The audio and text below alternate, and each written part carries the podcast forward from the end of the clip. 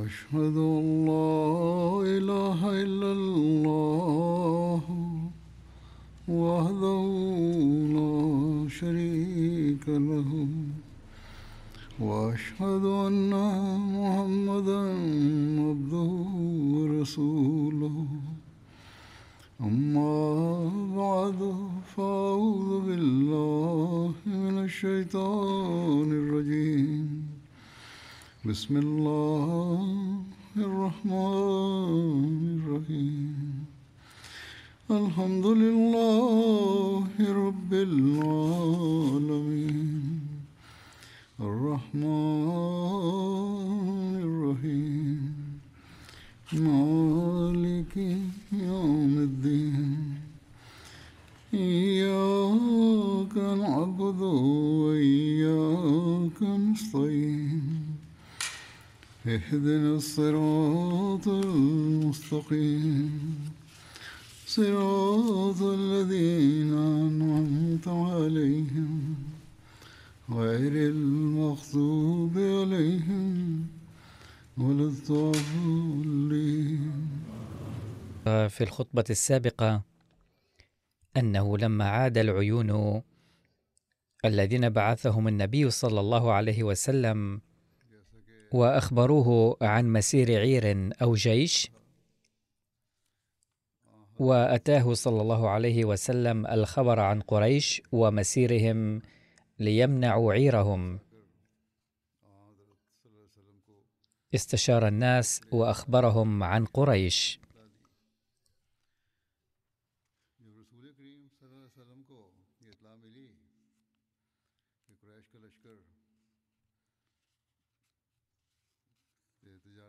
فقام أبو بكر الصديق فقال وأحسن.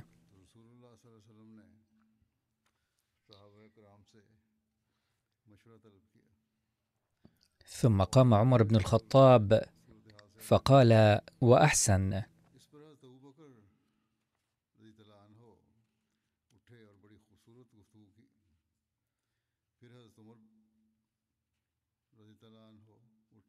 ثم قام المقداد بن عمرو فقال يا رسول الله امضي لما أراك الله فنحن معك. والله لا نقول لك كما قال بنو إسرائيل لموسى.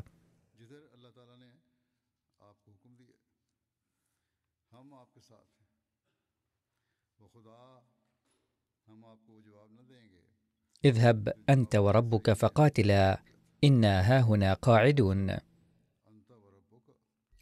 ولكن اذهب أنت وربك فقاتلا إنا معكما مقاتلون. فوالذي بعثك بالحق لو سرت بنا إلى برك الغماد لجالدنا معك.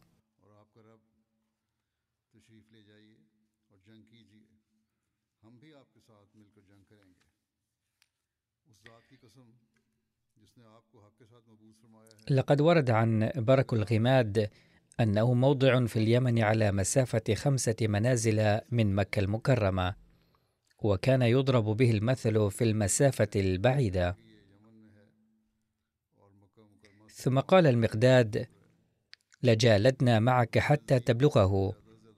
فقال له رسول الله صلى الله عليه وسلم خيرا ودعا له.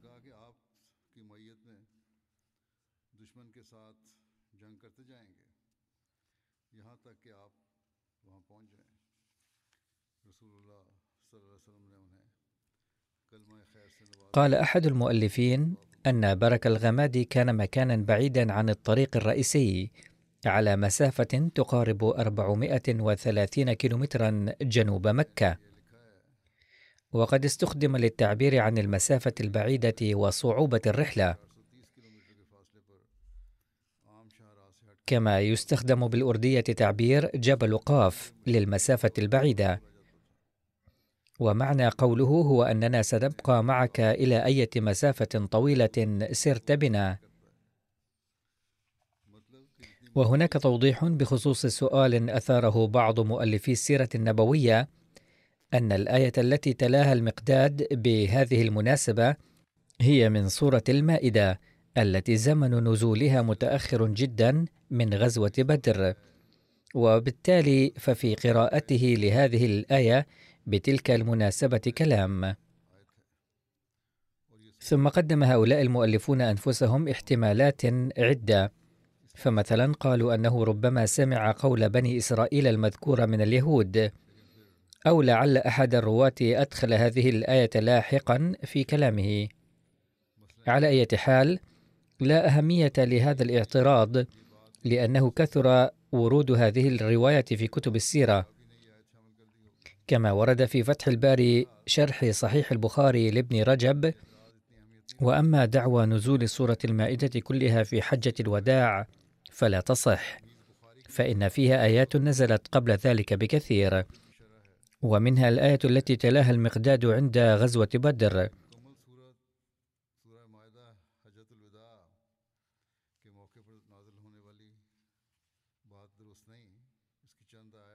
وقد يكون صحيحا أنه سمع هذه الأمور من اليهود.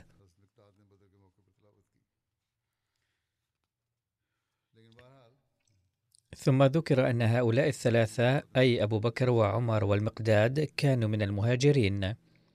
لذلك كان النبي صلى الله عليه وسلم يريد أن يعرف رأي الأنصار.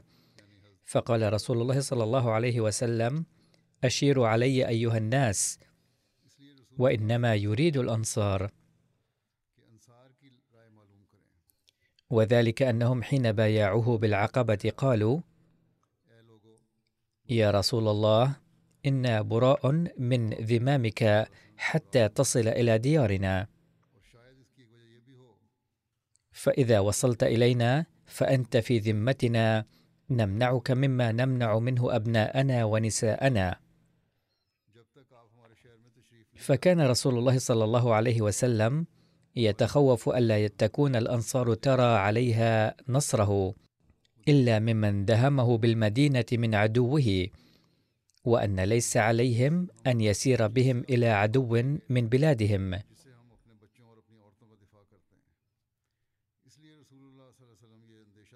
فلما قال ذلك رسول الله صلى الله عليه وسلم قال له سعد بن معاذ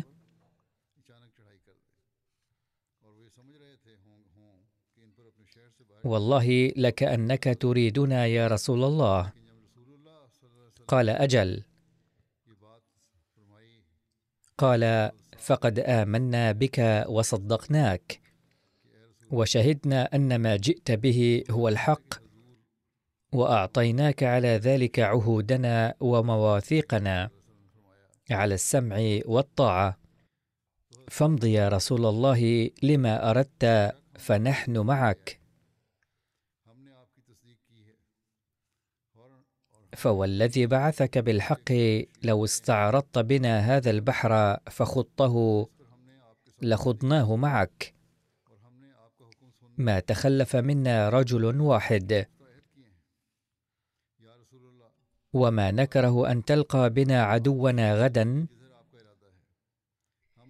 إنا لصبر في الحرب صدق في اللقاء. لعل الله يريك منا ما تقر به عينك. فسر بنا على بركة الله.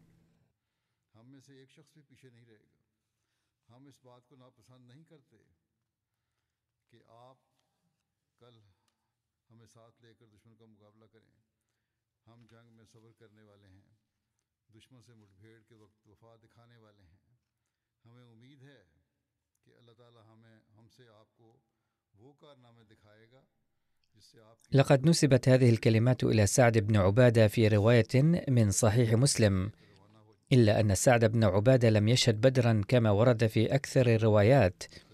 لذلك فإن كتب السيرة النبوية وفقوا بينها فقالوا قد يكون النبي صلى الله عليه وسلم طلب المشورة من الصحابة مرتين. المرة الأولى في المدينة لما أتاه خبر العير فتكلم سعد بن عبادة بهذه الكلمات. والمرة الثانية استشارهم في السفر وحينها تكلم بها سعد بن معاذ. على أي حال هذا هو قول الشراح الذين يدلون بآرائهم المختلفة. ولكن الصحيح أن الذي تكلم بهذه الكلمات هو سعد بن معاذ.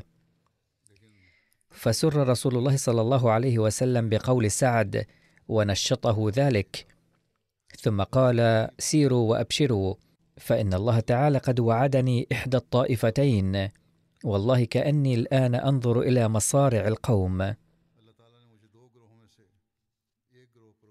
لقد سر الصحابة بهذه الكلمات ولكنهم تفاجأوا في الوقت نفسه وقالوا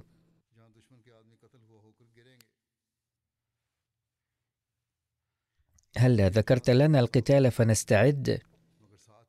أي يا رسول الله إذا كنت تعرف عن جيش قريش سلفا فلماذا لم تذكر لنا في المدينة نفسها إمكانية وقوع الحرب حتى نكون قد خرجنا ببعض الاستعدادات؟ ولكن رغم هذا الخبر وهذه المشورة وعلى الرغم من بشارة الله التي أبلغها النبي صلى الله عليه وسلم أن المسلمين سوف ينتصرون بالتأكيد على إحدى الطائفتين لم يكن المسلمون يعرفون على وجه اليقين الطائفة التي سيواجهونها ثم إنهم كانوا يرون إمكانية مواجهة إحداهما غير أنهم كانوا يتمنون بشكل طبيعي أن يلتقوا بأضعفهما.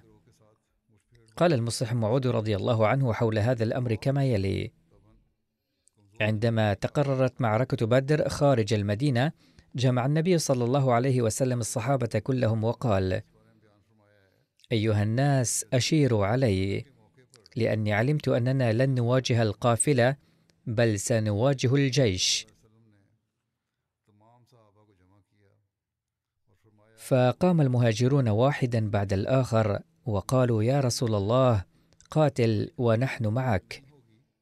كلما جلس أحد من المهاجرين بعد إبداء رأيه قال النبي صلى الله عليه وسلم أيها الناس اشيروا علي وكان في ذهنه أن المهاجرين يشيرون ولكن الأمر يتعلق بالأنصار بوجه خاص.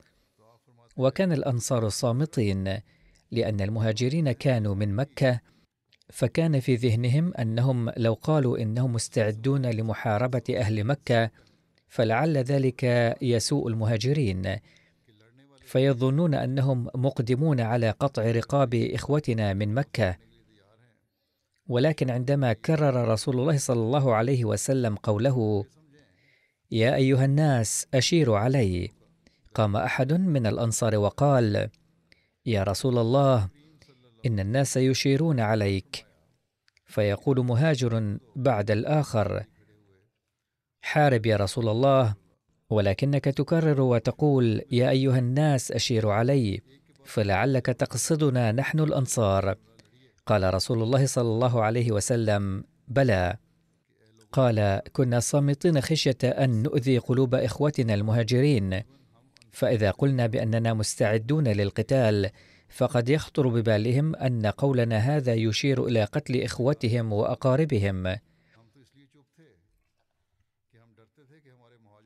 ثم قال يا رسول الله لعلك تشير إلى بيعة العقبة حيث أقررنا أنه إذا هاجم العدو المدينة سنقاتل معك. أما إذا نشبت الحرب خارج المدينة فلن نكون ملزمين بالقتال. قال صلى الله عليه وسلم بلى. قال يا رسول الله عندما عقدنا ذلك العهد ما كنا ندرك عظمتك. أما الآن فقد استبان علينا صدقك وعظمتك. فلا أهمية لأي معاهدة أو ميثاق الآن. البحر أمامنا فلو أمرتنا لخضناه بمطايانا. وإذا نشبت الحرب فوالله سنقاتل عن يمينك ونقاتل عن يسارك ونقاتل أمامك ونقاتل خلفك. ولن يصلك العدو ما لم يطأ جثثنا. بعد هذه المشورة انطلق النبي صلى الله عليه وسلم ونزل قرب بدر مرورا بطرق مختلفة. لقد سبق تفصيل بدر من قبل ولكن أذكره بإيجاز هنا أيضا. تقع على بعد 150 كيلومترا جنوب غرب المدينة المنورة. بدر وهو سهل صحراوي بيضاوي الشكل يبلغ طوله خمسة أميال ونصف.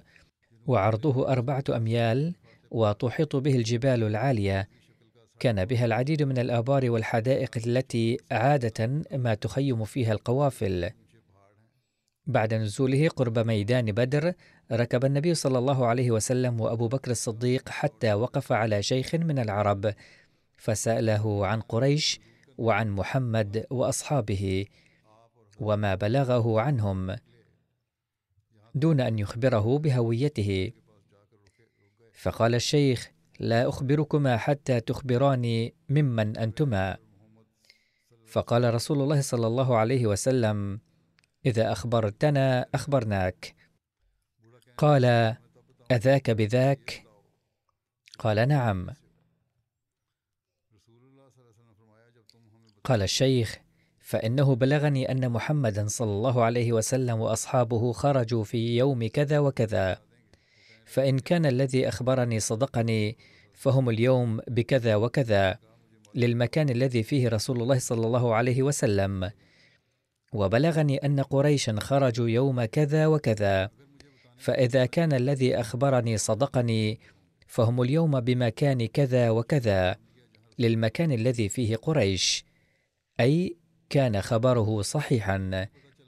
فلما فرغ من خبره قال ممن أنتما؟ فقال رسول الله صلى الله عليه وسلم نحن من ماء.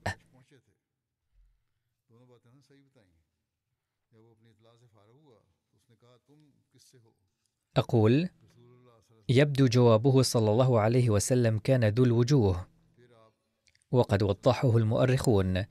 وقد ذكر الذين أرسلوا هذه النصوص بعد التفاسير التي قدمها المؤرخون بهذا الشأن وسأذكر هنا بعضها بالإيجاز. لقد قال المؤرخون إن النبي صلى الله عليه وسلم لم يرد عليه ردا صحيحا بحسب وعده. وقد رد بعض المؤلفين على هذا الاعتراض قائلين بأنه لم يرد ردا خاطئا. غير أن رده كان يحمل معاني مختلفة بحيث لم يكن الجواب خاطئا ولكنه لم يفصح عن مكان معين أيضا نظرا إلى الأوضاع الحربية الخطيرة لأن قوله صلى الله عليه وسلم نحن من ماء يشير إلى ما جاء في القرآن الكريم وجعلنا من الماء كل شيء حي هذا ملخص ما قاله أحد أصحاب السير أبو بكر جابر الجزائري. يقول مؤلف آخر ما معناه أي نحن من ماء كذا ومن منطقة كذا وكذا. هذا ما قاله العلامة برهان الحلبي. اذا هذا تفسير آخر لقوله صلى الله عليه وسلم أنه أخبر عن الماء الذي نزل قربه كما قال ذلك الرجل. ولكنه صلى الله عليه وسلم قال ذلك بأسلوب حتى ظن الشيخ المذكور أنه صلى الله عليه وسلم يشير إلى جهة العراق. وقد يكون ينبوع بدر في جهة العراق من ذلك المكان. والله أعلم بالصواب. ثم رجع رسول الله صلى الله عليه وسلم إلى أصحابه. فلما أمسى بعث علي بن أبي طالب والزبير بن العوام وسعد بن أبي وقاص في نفر من أصحابه إلى ماء ببدر يلتمسون الخبر له. فأصابوا غلامين يحملان الماء فأتوا بهما. فسألوهما ورسول الله صلى الله عليه وسلم قائم يصلي. فقالا نحن سقاة قريش بعثونا نسقيهم من الماء. فكره القوم خبرهما. فرجوا أن يكونا لأبي سفيان فضربوهما. فلما أذاقوهما قالا نحن لأبي سفيان فتركوهما. فلما سلم رسول الله صلى الله عليه وسلم من الصلاة قال إذا صدقاكم ضربتموهما وإذا كذباكم تركتموهما.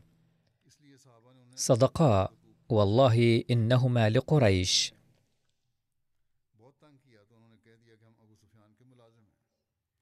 أخبراني عن قريش. قالا هم والله وراء هذا الكثيب الذي ترى بالعدوة القصوى. فقال لهما رسول الله صلى الله عليه وسلم كم القوم؟ قالا كثير. قال ما عدتهم؟ قالا لا ندري. قال كم ينحرون في اليوم؟ قالا يوما تسعا ويوما عشرا. فقال رسول الله صلى الله عليه وسلم القوم ما بين التسعمائة والألف.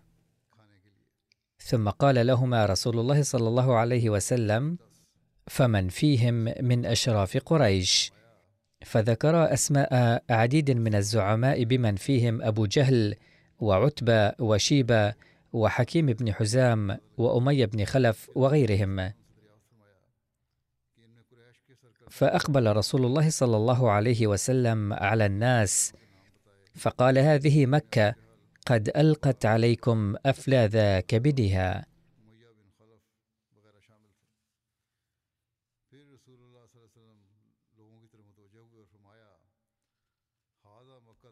لقد علق على هذا الحادث حضرة ميرزا بشير أحمد رضي الله عنه قائلا إن النبي صلى الله عليه وسلم قال مخاطبا الصحابة هذه مكة قد ألقت إليكم أفلاذ كبدها. كانت هذه الكلمات التي خرجت من فم النبي صلى الله عليه وسلم المبارك عفويا حكيمة جدا لأنه بدلا من أن يخاف الضعفاء من المسلمين عند سماع أسماء الرؤساء البارزين غيرت هذه الكلمات مسار تفكيرهم إلى فكرة أن الله تعالى قد أخرج قادة قريش من مكة ليتم تدميرهم على أيدي المسلمين. بعد ذلك تحرك رسول الله صلى الله عليه وسلم بجيشه ليبلغ نبع بدر قبل المشركين ولا يسمح للمشركين بالسيطرة عليه. لذا في وقت العشاء نزل إلى أقرب نبع من بدر.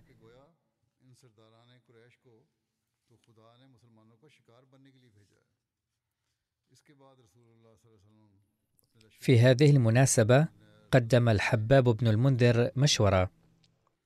لما نزل رسول الله صلى الله عليه وسلم بأقرب نبع قال الحباب بن المنذر يا رسول الله صلى الله عليه وسلم أرأيت هذا المنزل؟ أمنزلا أنزلكه الله ليس لنا أن نتقدمه ولا نتأخر عنه؟ أم هو الرأي والحرب والمكيدة؟ قال صلى الله عليه وسلم بل هو الرأي والحرب والمكيدة. فقال الحباب يا رسول الله فإن هذا ليس بمنزل فانهض بالناس حتى نأتي أدنى ماء من القوم الأعداء. فننزله ثم نغور ما وراءه من القلب ثم نبني عليه حوضا فنملأه ماء ثم نقاتل القوم فنشرب ولا يشربون.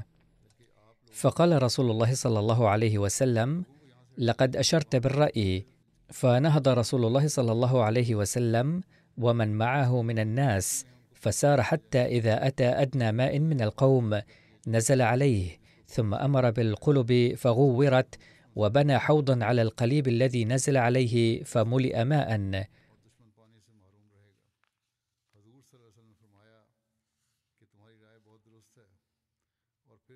هذا من سيرة ابن هشام.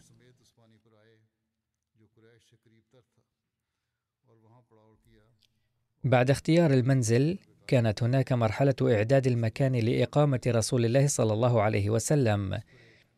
فبنى الصحابة عريشا في جانب الميدان على مقترح رئيس الأوس سعد بن معاذ رضي الله عنه. فقال سعد بن معاذ يا رسول الله ألا نبني لك عريشا تكون فيه؟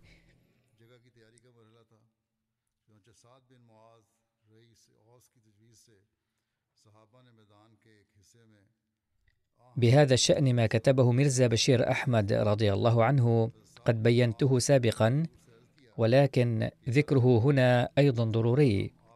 بنى الصحابة عريشا في جانب من الميدان على مقترح رئيس الأوس سعد بن معاذ رضي الله عنه وربط سعد ركابه عند العريش فقال يا رسول الله ابقى في هذا العريش ونحن نقاتل العدو متوكلين على الله فإن أعزنا الله تعالى وأظهرنا على عدونا كان ذلك ما أحببنا. وإن كانت الأخرى جلست على ركائبك فلحقت بمن وراءنا من قومنا. فلقد تخلف عنك أقوام يا نبي الله ما نحن بأشد حب لك منهم. ولو ظنوا أنك تلقى حربا ما تخلفوا عنك. يمنعك الله بهم يناصحونك ويجاهدون معك.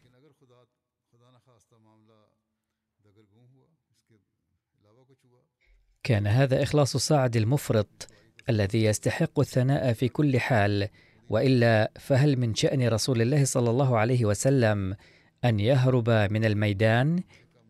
كلا ففي يوم حنين حين ولى اثني عشر ألف جندي لم يتزلزل مركز التوحيد أعني رسول الله صلى الله عليه وسلم من مكانه.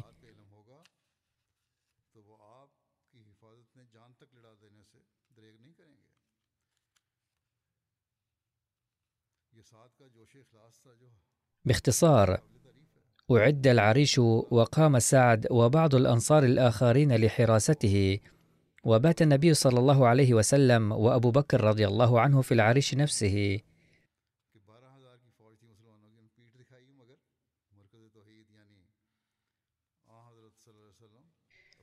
ورد في رواية أن أبا بكر رضي الله عنه ظل في العريش مع سيف مسلول لحماية رسول الله صلى الله عليه وسلم وظل رسول الله صلى الله عليه وسلم يدعو الله تعالى بتضرع وابتهال.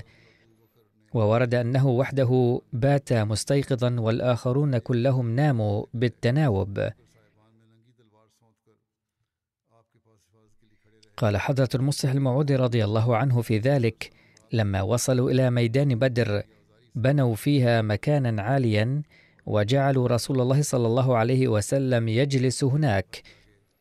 ثم تشاوروا لمعرفة من لديه أسرع ناقة فأخذوا أسرع النوق وربطوها قريبا من رسول الله صلى الله عليه وسلم فرآها رسول الله صلى الله عليه وسلم فقال ما هذا؟ قالوا إن عددنا قليل جدا والأعداء كثر لذا نخشى أن نقتل جميعا هنا ولا نحزن لموتنا أبدا ولكننا نهتم بك يا رسول الله ألا يصيبك مكروه. فإذا متنا جميعا فلن يتضرر الإسلام ولكن حياة الإسلام منوطة بك لذا من الضروري أن نهيئ لك أسباب الأمان. يا رسول الله لقد جعلنا أبا بكر رضي الله عنه على حراستك وربطنا قريبا منك ناقة سريعة للغاية. وإذا حدث لا سمح الله أن قتلنا جميعا واحدا تلو الآخر فهذه الناقة التي يمكنك أن تركبها وتصل المدينة. وهناك إخوتنا الذين لم يعلموا أننا نلقى حربا لانضموا إلينا حتما. نرجو أن تصلهم وهم يحفظونك ويحمونك من شر العدو. ولكن النبي صلى الله عليه وسلم لم يقبل كلامهم وما كان له أن يقبل ذلك إلا أن هذه كانت عاطفة الصحابة.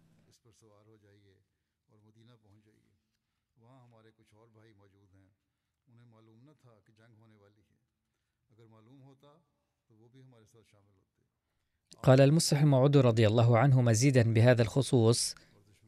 مرة قال علي رضي الله عنه أشجع الصحابة هو أبو بكر. ثم قال إنا جعلنا لرسول الله صلى الله عليه وسلم عريشا يوم بدر. فقلنا من يكون اليوم مع رسول الله صلى الله عليه وسلم لحمايته. فقام أبو بكر رضي الله عنه شاهرا بالسيف وأدى واجب الحراسة في هذه المناسبة الخطيرة للغاية بكل شجاعة. وفي الصباح التالي تقدم قريش فحين رآهم رسول الله صلى الله عليه وسلم قال: اللهم هؤلاء قريش قد جاءوا بكبر وغرور لقتالك ولتكذيب رسولك فأنجز لي ما وعدتني واقض عليهم اليوم.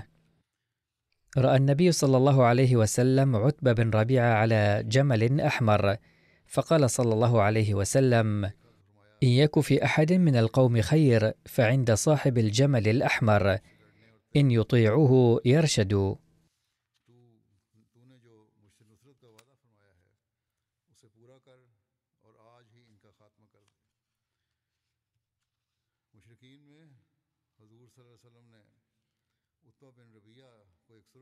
وهناك واقعة شرب الكفار ماء من حوض الرسول صلى الله عليه وسلم مع أن المسلمين كانوا مسيطرين على الماء ولكن لما نزل الناس أي قريش أقبل نفر من قريش حتى وردوا حوض رسول الله صلى الله عليه وسلم فيهم حكيم بن حزام.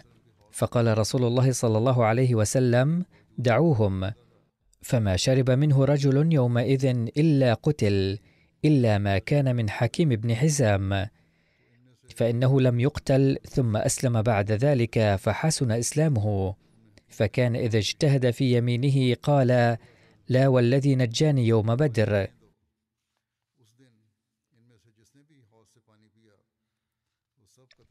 قد ورد عن تسوية النبي صلى الله عليه وسلم صفوف الجيش. لما أصبح رسول الله صلى الله عليه وسلم صف أصحابه قبل أن تنزل قريش. وطلعت قريش ورسول الله صلى الله عليه وسلم يصف أصحابه ويعدلهم كأنما يقوم بهم القدح ومعه يومئذ قدح يشير إلى هذا تقدم وإلى هذا تأخر حتى استووا ودفع رايته إلى مصعب بن عمير. فتقدم حيث أمره رسول الله صلى الله عليه وسلم أن يضعها ووقف رسول الله صلى الله عليه وسلم ينظر إلى الصفوف فاستقبل المغرب. وخلال تسوية النبي صلى الله عليه وسلم الصفوف حدث حادث غريب أي تصرف سيدنا سواد بن غزية يترشح منه حبه العظيم للنبي صلى الله عليه وسلم. فقد ورد أن النبي صلى الله عليه وسلم حين مر أثناء تسويته الصفوف يوم بدر بسيدنا سواد بن غزية وكان خارجا من الصف فطعنه صلى الله عليه وسلم في بطنه بالقدح وقال استوي يا سواد فقال يا رسول الله أوجعتني وقد بعثك الله بالحق والعدل فأقدني أي مكني من القصاص من نفسك إذ قد طعنت بطني بالقدح فكشف رسول الله صلى الله عليه وسلم عن بطنه وقال استقدي أي خذ القصاص. فاعتنقه سيدنا سواد فقبل بطنه الشريف. فقال صلى الله عليه وسلم ما حملك على هذا يا سواد؟ فقال يا رسول الله حضر ما ترى فأنا في معركة ولا أدري هل سأعيش بعدها أم لا. فأردت أن يكون آخر العهد بك أن يمس جلدي جلدك فدعا له رسول الله صلى الله عليه وسلم بخير.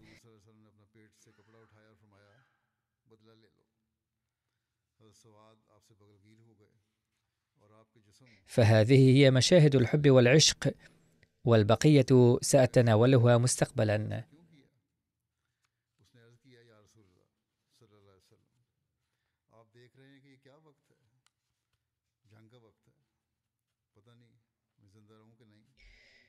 الآن أريد أن أذكر بعض المرحومين ومنهم القارئ المحترم محمد عاشق الذي كان أستاذا في الجامعة الأحمدية ومديرا لمدرسة تحفيظ القرآن بربوة.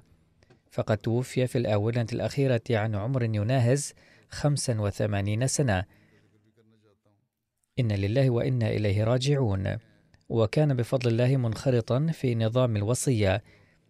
ولقد درس القارئ المحترم في بعض مدارس أهل الحديث في باكستان قبل انضمامه إلى الجماعة الإسلامية الأحمدية فكان قد بايع شخصيا وكان قبل البيعة ينتمي إلى أهل الحديث.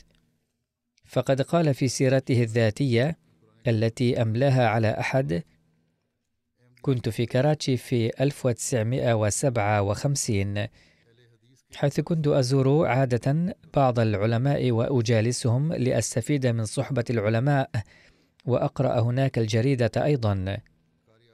ذات يوم كنت أقرأ الجريدة هناك إذ قال لي أحد الحضور وكان يقرأ كتابا من كتب المسيح الموعود عليه السلام.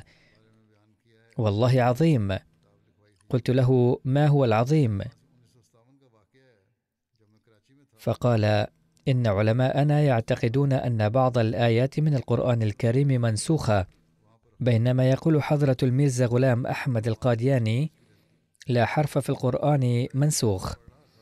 الأمر الذي خلق في نفسي رغبة في البحث فقررت أن أدرس الموضوع هل هو صادق أم كاذب.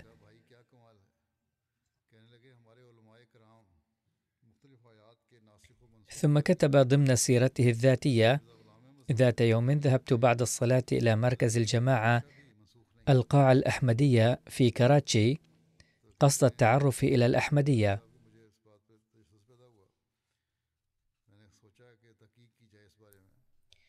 فقابلت هناك أحمديا قلت له أريد بعض المعلومات عن المسائل الخلافية فأرجو المساعدة والتوجيه. فأخذني أحد الحضور إلى بيته وأعطاني بعض الكتب للمطالعة فقرأتها ثم أطلعت عليها شيخا من أولئك العلماء الذين كنت أجالسهم وقلت له هذا هو عين الإسلام.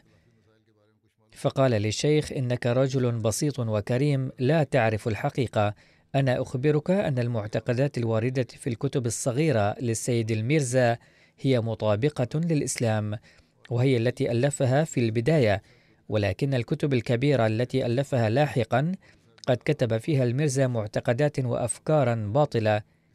ومعلوم أن حضرته عليه السلام أن ما كتبه أولا هو البراهين الأحمدية وهو أصل الإسلام وبعده أيضا ألف كتبا. ثم جاء القارئ إلى من كان على تواصل معه من الأحمديين وطلب منه كتبا كبيرة. فقدم عذرا في إعطائه كتبا كبيرة مع أنه لا تناقض في كتب سيدنا المسيح الموعود عليه السلام سواء ألفها في أول عهده أو لاحقا. لماذا لم يعطه الكتب ذلك الأحمدي؟ الله أعلم به. على كل حال قد انقطعت علاقته به.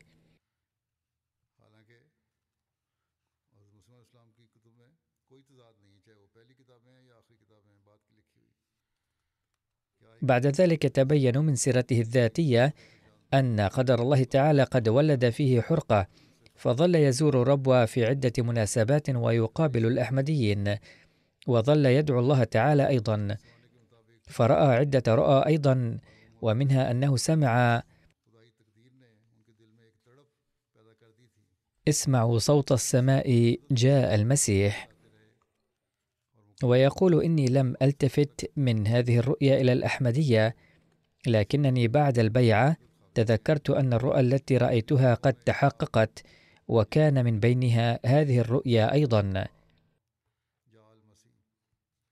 يقول القارئ المرحوم حين ألقي نظرة على سوانح حياتي يخطر ببالي أني ظللت ألتفت إلى الأحمدية مرارا وتكرارا واهتديت بمجرد الفضل من الله.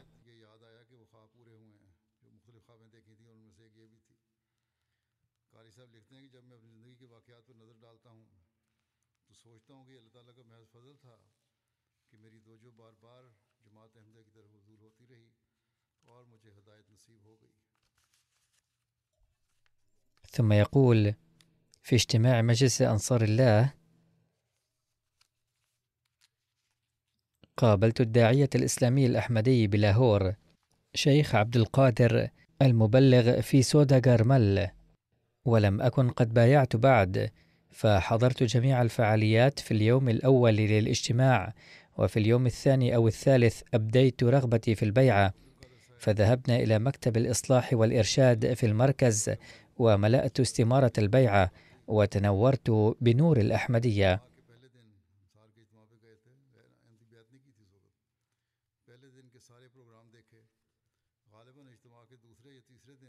بعد قبول الأحمدية واجه الابتلاءات أيضا فتلامذته وناصحوه بذلوا جهودا كثيرة بشتى الأساليب لرده عن الأحمدية. فقد طمعوه ومارسوا عليه القسوة أيضا. يقول المرحوم بعد انضمامي إلى الجماعة الإسلامية الأحمدية اعترض طريقي مصاعب عدة لكن الله تعالى ثبتني وظللت أسلك طريقا هداني إليه. فلما كانت هداية الله معي لم يقدر أي طمع مادي على إبعادي عن طريق الحق. فقد بذلت جهود كثيرة لأكره الأحمدية وأعود إلى أهل الحديث. لكنني كنت قد اصطبغت بصبغة الإيمان بفضل من الله فقد أخفقوا في ردي عنه رغم جهودهم المضنية. كان المرحوم تزوج أرملة لها ثلاثة أولاد من زوجها السابق وأنجب المرحوم ابنة واحدة. وعن خدماته للجماعة قال ذات يوم قابلني صوفي خدا بخش الزيوري في المسجد وقال لي إن حضرة ميرزا طاهر أحمد المسؤول عن الوقف الجديد أرسل لي رسالة أن آتي بك إلى حضرته في ربوة وكان قد بايع عندها. يقول لما قابلت حضرة ميا طاهر المحترم استمع لتلاوتي ثم فوض لي خدمة تعليم القرآن الكريم بالتجويد لطلاب مدرسة المعلمين في مؤسسة الوقف الجديد. كما دبر لي السكن هناك هذا كان في عام 1964 ثم في يناير عام 1965 أعين المرحوم معلما في مدرسة الوقف الجديد رسميا. وفي هذه الأثناء كان طلاب درجة الشاهد من الجامعة الأحمدية يحضرون عنده في مؤسسة الوقف الجديد ويتعلمون منه قراءة القرآن الكريم. ثم بطلب من مير داود أحمد مدير الجامعة الأحمدية بدأ المرحوم يحضر الجامعة الأحمدية لتعليم طلابه قراءة القرآن الكريم. كما كان يعلم البنات قراءة القرآن الكريم في كلية الجماعة للبنات كلية النصرة وذلك مع مراعاة الحجاب. وفي يناير 1969 توفي الحافظ شفيق أحمد المشرف على صف تحفيظ القرآن بربوة فأمر مير داود أحمد الحافظ المرحوم بأن يتولى تحفيظ القرآن لهؤلاء الطلاب. وكان درس تحفيظ القرآن الكريم هذا يتم في المسجد المبارك عندها. أنا أيضا أتذكر أن الطلاب كانوا يحفظون القرآن الكريم جالسين في المسجد المبارك. ثم بعد ذلك وافق حضرة الخليفة الثالث على أن يشرف الحافظ المرحوم على صف تحفيظ القرآن هذا كما أمره بتعليم مدرسة مؤسسة الوقف الجديد أيضا وأمر رسميا إلى تعليم صف تحفيظ القرآن الكريم في الحادي من يونيو 1971 وقد تقاعد من الخدمة عام 1998 ومع ذلك واصل تحفيظ القرآن الكريم في مدرسة تحفيظ القرآن الكريم ومدرسة الظفر في مؤسسة الوقف الجديد حتى عام 2019 لقد نال شرف تلاوة القرآن الكريم في الجلسة السنوية عام 1964 لأول مرة. وقال الحافظ المرحوم وهو يسرد قصة حياته تشرفت بلقاء حضرة الخليفة الثاني في فبراير 1965 وقال وهو يتكلم عن هذا اللقاء التاريخي كانت لحظة تشرفي بمصافحة حضرة الخليفة الثاني منعطفا مصيريا في حياتي عرفني السكرتير الخاص لحضرة الخليفة وقال إنه القارئ محمد عاشق وهو مبايع جديد. وظل حضرة الخليفة ينظر إلي بنظرة ملؤها المحبة والشفقة وسكرتيره الخاص يعرفني له وظللت أتشرف ببركة زيارة الخليفة حاملا يده في يدي.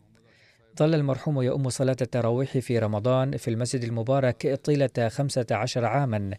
وذات مرة قال له مولانا عبد المالك خان ناظر الإصلاح والإرشاد في المركز إننا نفوض إليك خدمة الإمامة في صلاة التهجد وصلاة التراويح في المسجد المبارك مرة بعد أخرى. لأن حضرة الخليفة الثالث رحمه الله تعالى يحب تلاوتك جدا. للحافظ المرحوم تلاميذ كثر منتشرون في شتى أنحاء العالم وقد تلقيت رسائلهم التي ذكروا فيها مآثره وما نالوه من فيوض ومحاسنه وعلمه.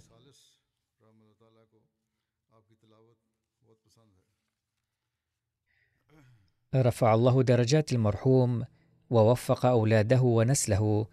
كما كان يتمنى أن يكونوا من أهل الدعاء والإخلاص.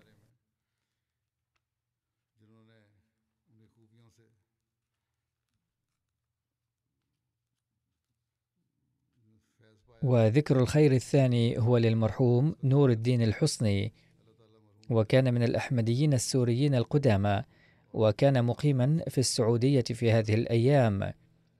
كان من الأسرى في الله تعالى حيث كان منذ عدة أعوام مسجونا في السعودية بسبب الأحمدية.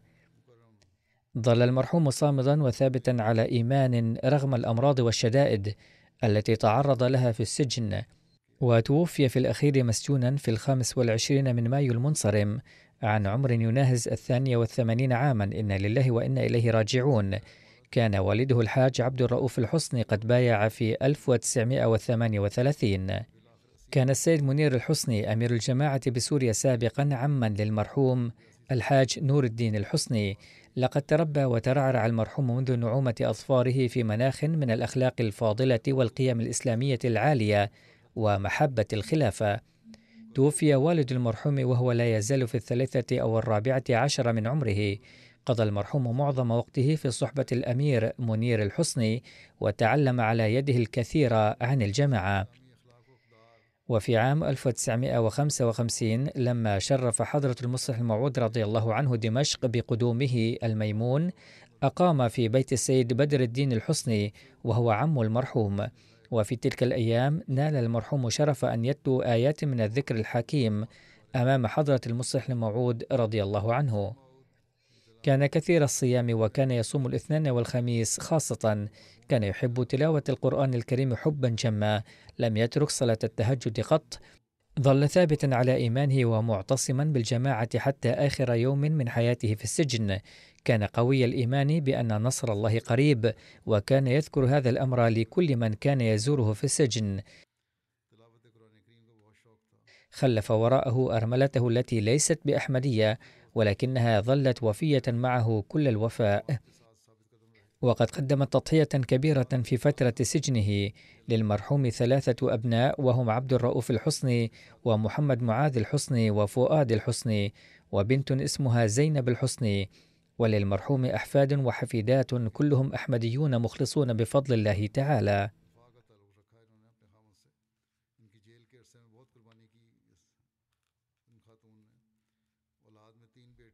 كتب ابنه السيد معاذ الحسني كان والدنا يريد أن ينضم نحن أولاده كلهم إلى الأحمدية عن قناعة وانشراح كاملين والحمد لله أننا كلنا بايعنا بكامل إيمان وانشراح. عندما ذهب والدنا إلى السعودية بحث عن أبناء الجماعة هناك. ثم قابل المرحوم السيد هاشم الذي كان من المملكة المتحدة وكان يعمل في السعودية فارتبط به. ثم ظل يشارك في نشاطات الجماعة وخدمتها حتى آخر لحظة من حياته. كان أبونا شفيقا ومحبا وسخيا، وكان يعجبه مساعدة الآخرين. ثم كتب ابنه في عام 2019 استدعاه المسؤولون وألقوه في السجن.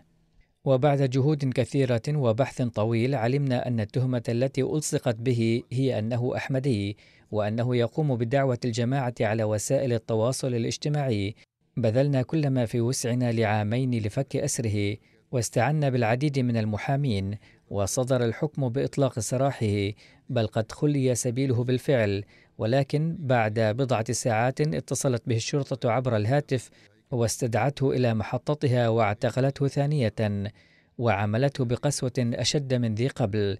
لم يسمحوا لنا بلقائه بل لم يأذنوا له بالحديث عبر الهاتف أيضا.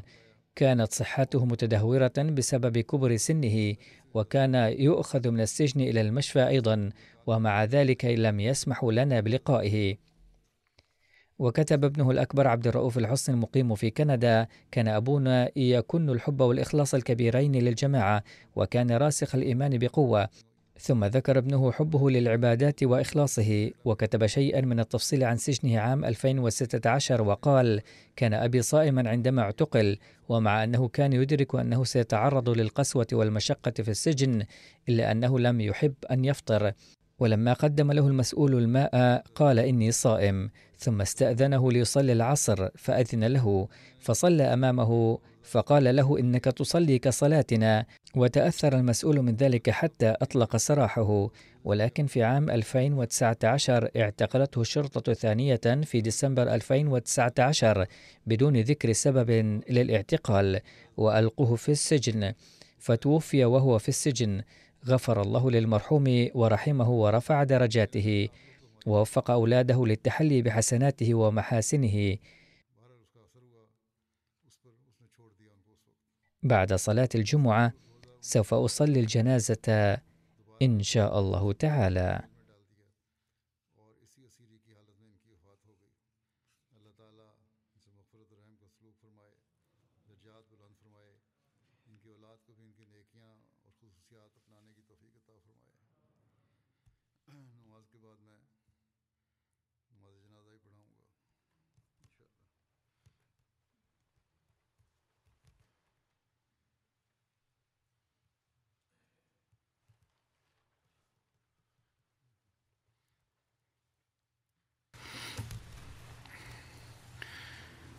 الحمد لله الحمد لله نحمده ونستعينه ونستغفره ونؤمن به ونتوكل عليه ونعوذ بالله من شرور أنفسنا ومن سيئات أعمالنا من يهده الله فلا مضل له ومن يضلله فلا هادي له. ونشهد أن لا إله إلا الله ونشهد أن محمدا عبده ورسوله.